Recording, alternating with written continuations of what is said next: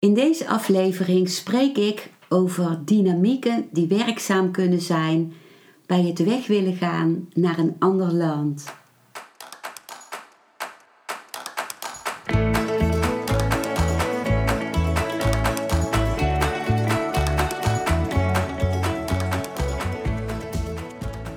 Welkom bij een nieuwe aflevering van Modita's podcast Van Pijn naar Zijn.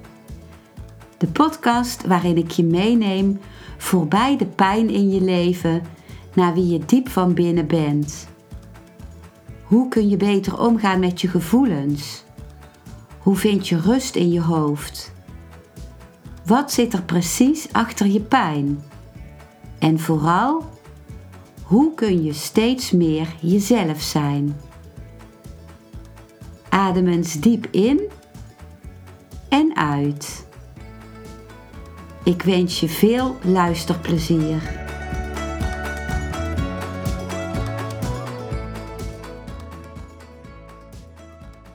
Ik hoor veel mensen zeggen om mij heen dat ze liever in een ander land zouden willen wonen dan in Nederland. En uh, ik herken dat van mezelf uit mijn verleden.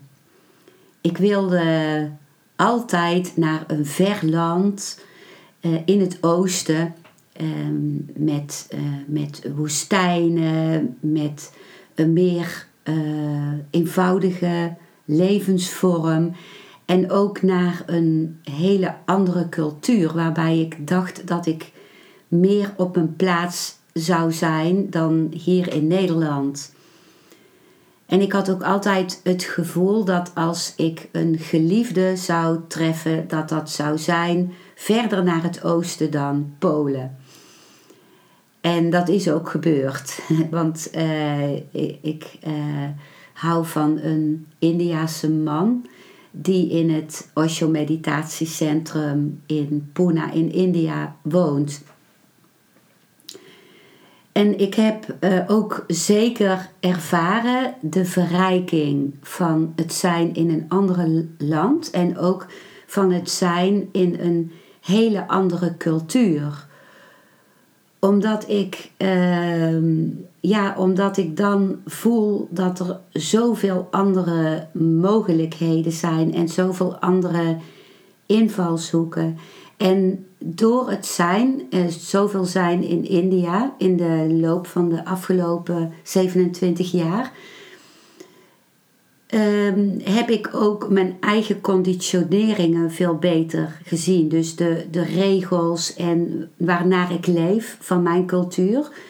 Terwijl als ik hier ben en blijf, het bijna lijkt alsof er heel weinig regels zijn. Maar dan zie ik pas dat wat voor mij normaal is, dat dat voor een ander volk helemaal niet normaal is.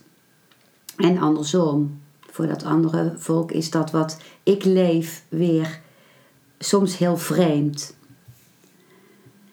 En ik ben ook echt blij dat ik zoveel in India heb geleefd en ook met een Indiase man, dus ook zijn familie heb leren kennen, bij zijn familie uh, thuis ben geweest bij zijn vader en moeder, bij zijn, uh, uh, dat ik zijn broers en zussen heb ontmoet.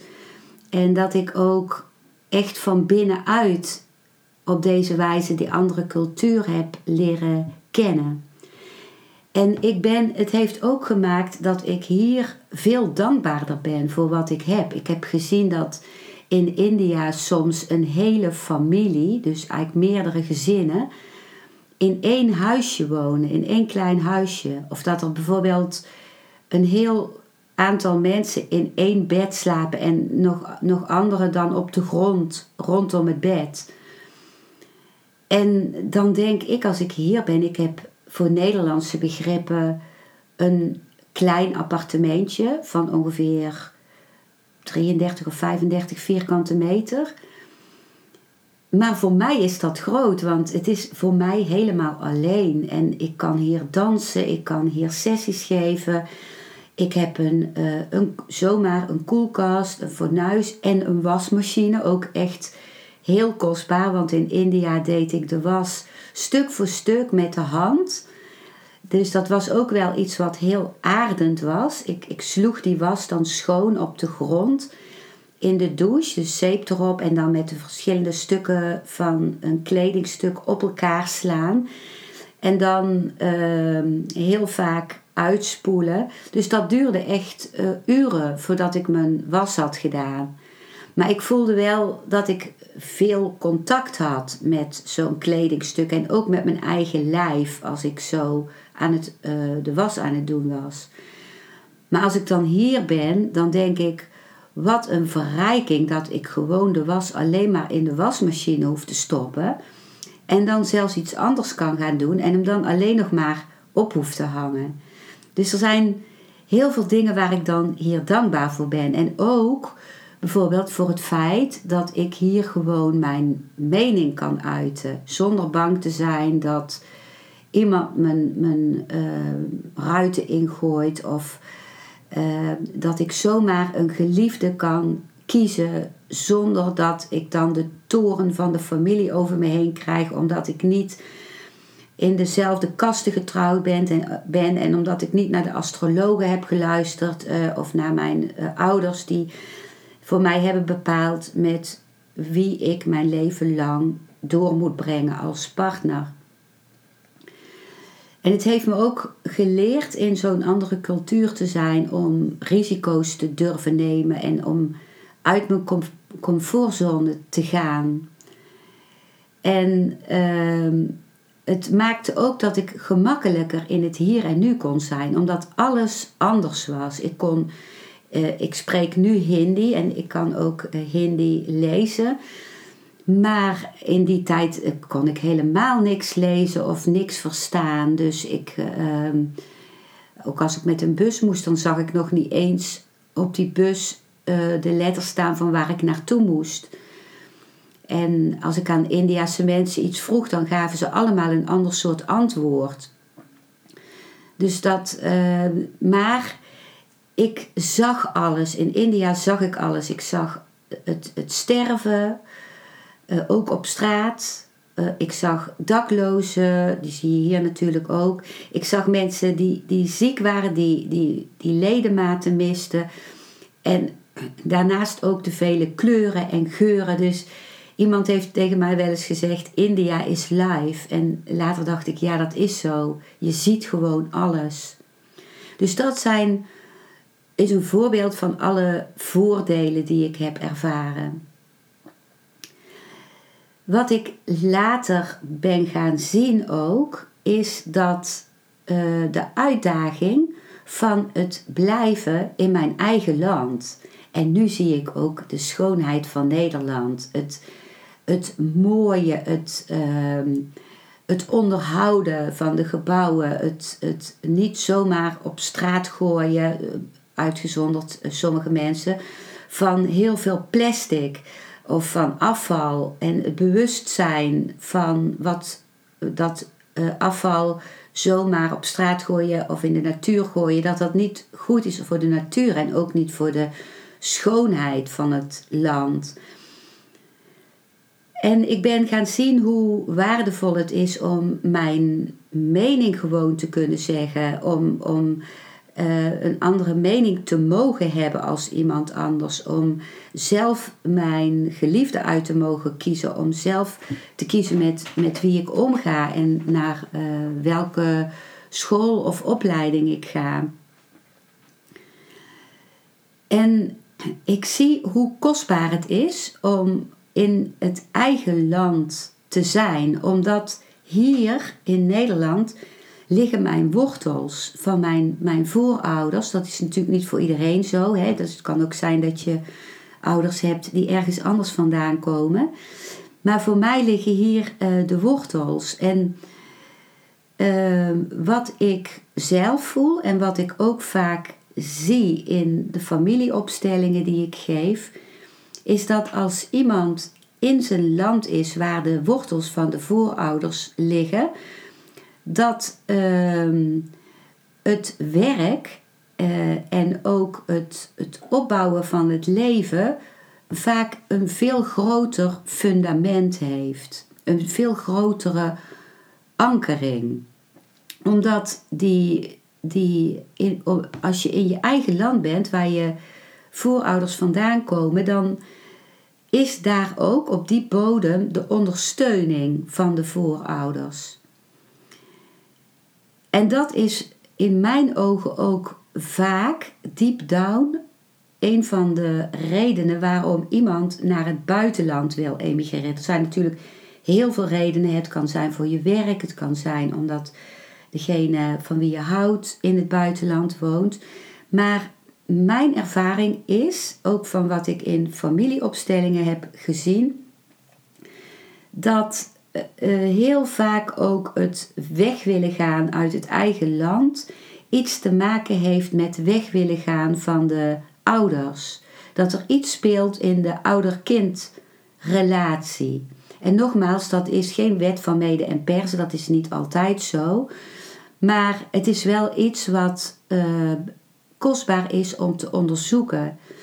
Ik zie bijvoorbeeld ook dat in familieopstellingen dat wanneer een bijvoorbeeld een moeder het kind te veel claimt omdat zij onvoldoende gezien en is of uh, aandacht heeft gekregen van haar eigen ouders en daardoor haar kind als uh, veilige haven is gaan zien om mee verbonden te zijn, dat het kind dat als zo benauwend gaat ervaren dat het naar het buitenland gaat. En als het dan soms te dichtbij is, bijvoorbeeld in Europa, en de, de moeder die komt dan nog heel vaak naar het kind toe, dat het dan nog verder emigreert naar uh, bijvoorbeeld Amerika of naar het uh, Verre Oosten. Dus er kunnen heel veel achtergronden zijn. Uh, in heel veel culturen wordt, uh, wij noemen het vaderland, maar wordt het land van herkomst moederland genoemd, mother country.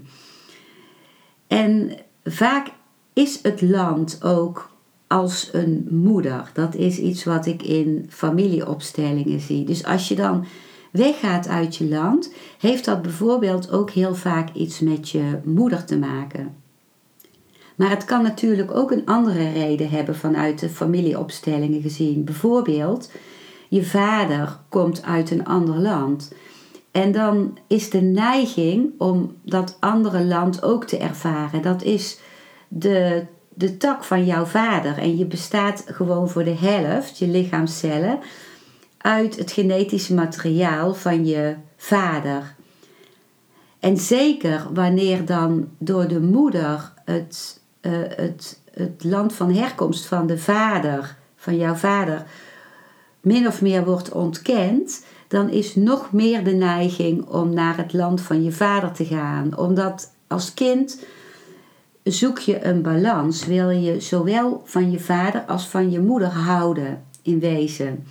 En uh, wanneer van, door de moeder, wanneer je van de moeder niet van de vader mag houden, dan kun je aan de oppervlakte je moeder gehoorzaam of loyaal zijn, maar deep down trek je dan naar je vader om de balans te herstellen. Nog iets vanuit het perspectief van familieopstellingen. Wanneer je verliefd wordt op iemand, op, een, uh, op iemand die uit een ander land komt, in een ander land woont, dan blijkt het vaak het beste te zijn wanneer de vrouw naar het land van de man gaat en ook zich aanpast aan de cultuur van de man en de taal van de man leert. Dat kan natuurlijk ook de vrouw zijn die. Nee, sorry. Als de vrouw in het buitenland woont en jij als man in Nederland, dan is het vaak het beste dat de vrouw dan naar jou komt in Nederland. En ook dit is geen absolute wet. Dat hangt ook samen met wie van de partners bijvoorbeeld ehm, de hoofdkostwinner is.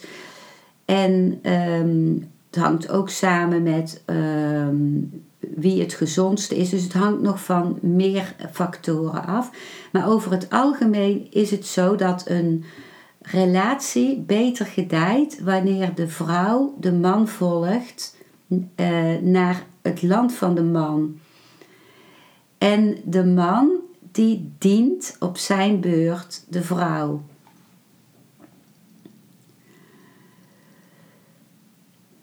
Ja, de uitdaging van het blijven in het land waar je bent. Als je de neiging hebt om weg te willen gaan uit jouw land van herkomst.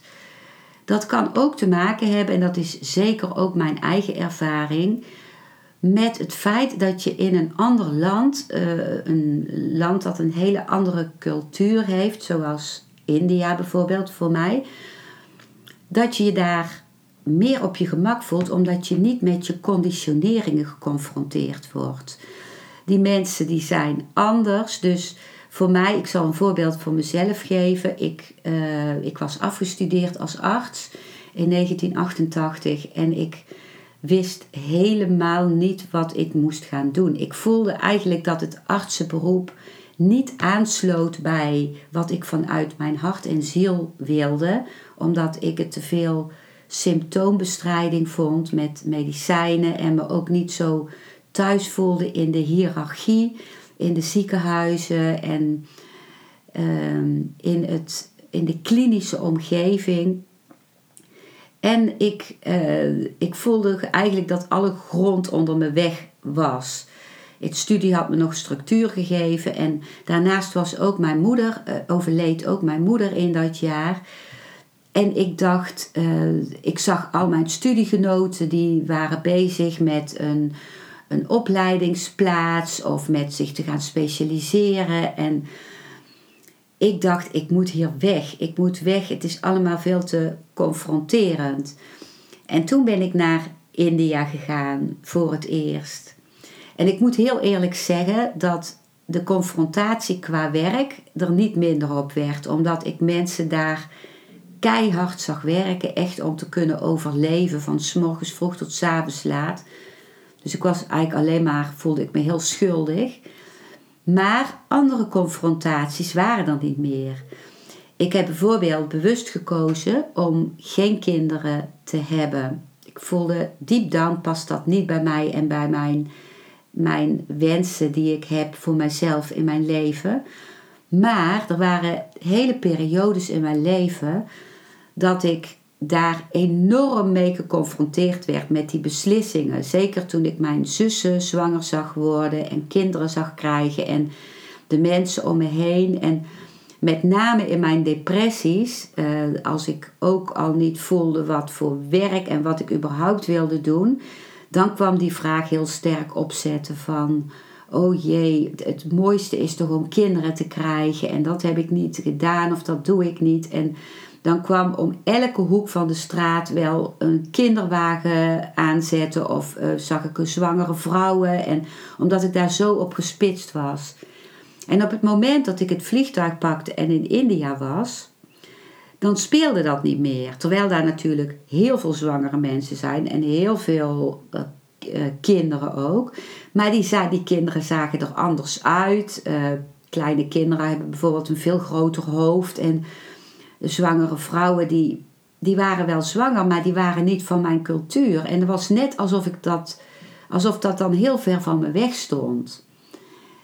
Dus uh, ik wist ook van niemand wat hij voor werk deed. En de mensen, mijn studiegenoten en mijn familie was ver weg. Dus die confrontatie met hen en met wat ze deden, die viel helemaal weg. En dat was heel fijn om me daarin te bewegen. Ik voelde me dan heel vrij. Ik voelde me vrij, maar de vraag is: was ik vrij? Want zoals ik het nu zie, ben je pas vrij als je dat gevoel overal kan hebben, ook in je geboorteland. En ben je ook vrij? Ik dacht dat ik vrij was als ik, ik wilde destijds mijn appartement opzeggen, al mijn spullen weggeven. En ehm, ik dacht, dan ben ik vrij, dan ben ik los van de materie en los van, van eh, ehm, een plek waar ik zou moeten zijn. En dan kan ik met het geld dat ik nog heb overal rondreizen. Ik dacht dus dat als ik geen beperkingen had van landsgrenzen en wat dan ook, dat ik dan vrij was. Maar nu zie ik het zo dat ik juist vrij ben als ik binnen beperkingen kan leven. Want binnen de beperkingen zijn er oneindig veel mogelijkheden. En op het moment dat ik alsmaar mijn landsgrenzen ging verleggen, dus dacht, oh ik moet naar dat land kunnen, dat land, dan ging ik ook nog naar Thailand en dan, dan dacht ik, ik ben vrij, maar in feite was het ook, gaf het ook een onrust, want zo'n visum verstreek dan weer en dan moest ik weer ergens anders kijken waar wil ik heen en dan was ik al heel lang van tevoren daar weer mee bezig, waar moet ik straks weer naartoe. Terwijl als ik hier woon, hier in Nederland, en ik, uh, ik, uh, ik hoef niet meer na te denken over waar wil ik naartoe. En daardoor kan ik mijn, mijn werk ook echt ontplooien en de relatie met mensen die ik heb ook verdiepen.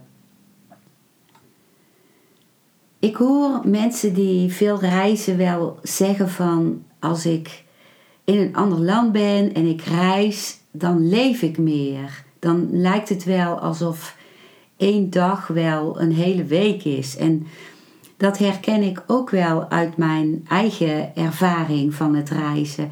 Maar wat er in feite uh, is, is dat je, omdat alles zo nieuw is, dat je veel meer automatisch in het hier en nu bent. Dus je, je wil zien, je herkent niet wat het, wat het is om je heen en dan ben je steeds weer verrast. En dat opent de ogen en de oren en je moet ook alert zijn omdat je niet weet wat er gaat gebeuren, omdat je niet in een, op een soort automatische piloot kunt terugvallen. En als je dat eenmaal dan ervaren hebt, dan blijft de hang om, uh, om dat weer op te zoeken in het gaan naar een andere omgeving. Maar in feite is, uh, dat is nu mijn ervaring, waar ik ook ben, is altijd alles nieuw. Als ik uh, mezelf in het hier en nu houd.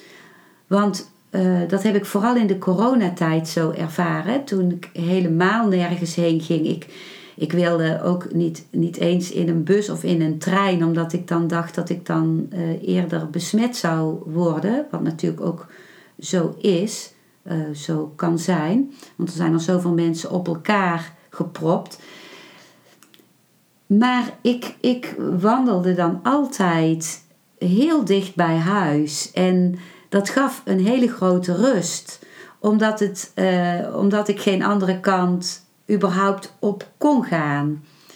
En wat ik toen uh, ervoer was dat ik nog nooit zo genoten heb van mijn eigen omgeving.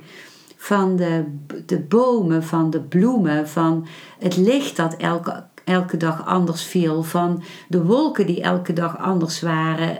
En uh, vogels die ik nooit eerder had gezien. En uh, in feite is jouw, jouw eigen straat elke dag anders. De mensen die je denkt te kennen, die zijn elke minuut anders. En dat vind ik het mooie van uh, dat wat ik in het reizen zocht, uh, in mezelf en direct om me heen te vinden omdat geen enkel moment op geen enkele dag is hetzelfde dan het moment daarvoor. En dat vind ik zo'n kostbare realisatie.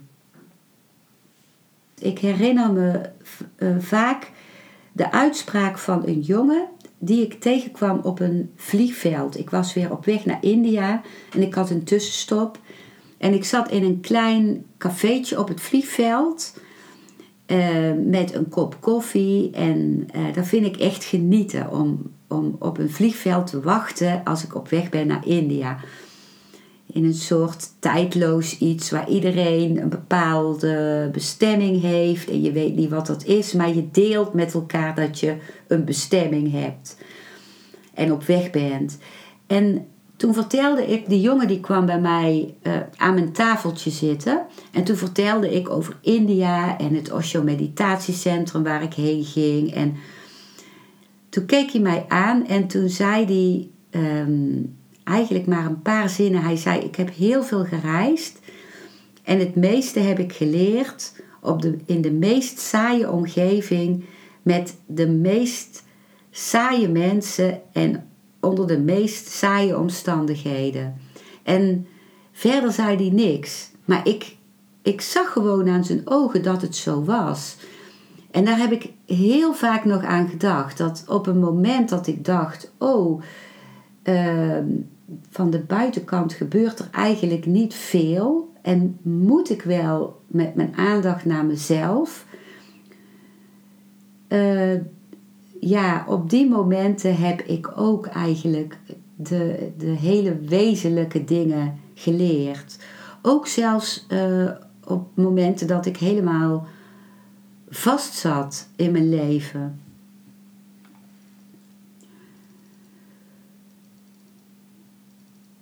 Ja, ehm, reizen kan ook een soort identiteit geven, heb ik gemerkt.